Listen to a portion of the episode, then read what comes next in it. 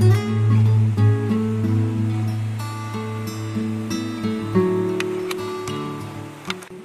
jeg hedder Markus, og jeg læser på 4. år på Nanoscience på Københavns Universitet. Vi har alle sammen brug for strøm til telefoner, til transport og til opvarmning med mere, men vi har brug for, at vores strøm bliver mere grøn, så vi ikke belaster klimaet så meget. Derfor vil jeg vise jer, hvordan man laver en organisk solcelle. Det første, du skal bruge, er et tyndt lag glas med et tyndt lag metal på indersiden, som kan lede strøm. Det næste lag i din solcelle er et lag af titaniumdioxidpulver, som vi kender fra maling og fra tandpasta.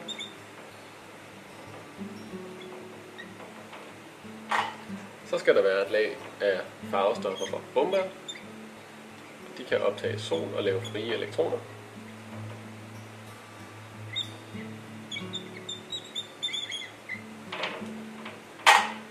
Næste lag er elektrolytvæsken, som består af jodioner, og de leder nye elektroner til farvestoffet fra brombæret. Og det sidste lag er et lag glas med et tyndt lag grafit på, som vi kender fra blyanter. Og det er alt det, du skal bruge til din solcelle. Det vil altså sige, at de ting, vi skal bruge, er først et glasslide, hvor man kan mærke på den ro side, der er der et tyndt metallag, som kan lede strømmen.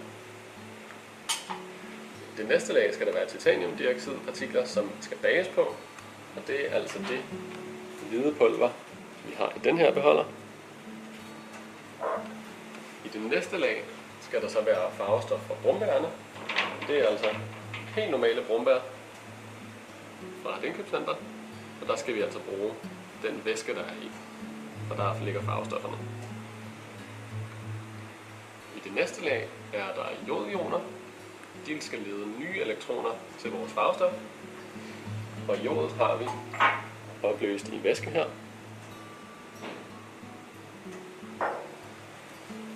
Og det sidste lag, der har vi et nyt glas slide med et tyndt lag grafit på.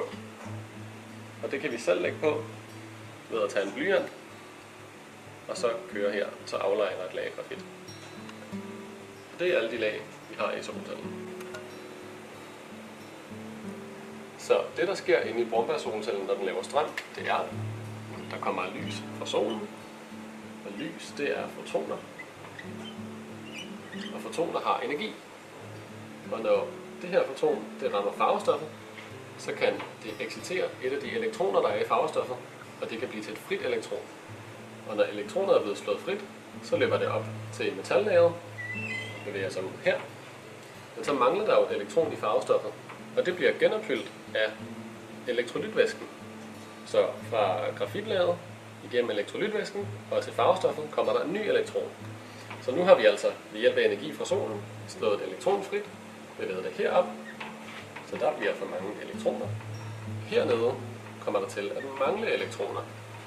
Så hvis vi fuldender kredsløbet, så kunne vi sætte for eksempel et batteri ind,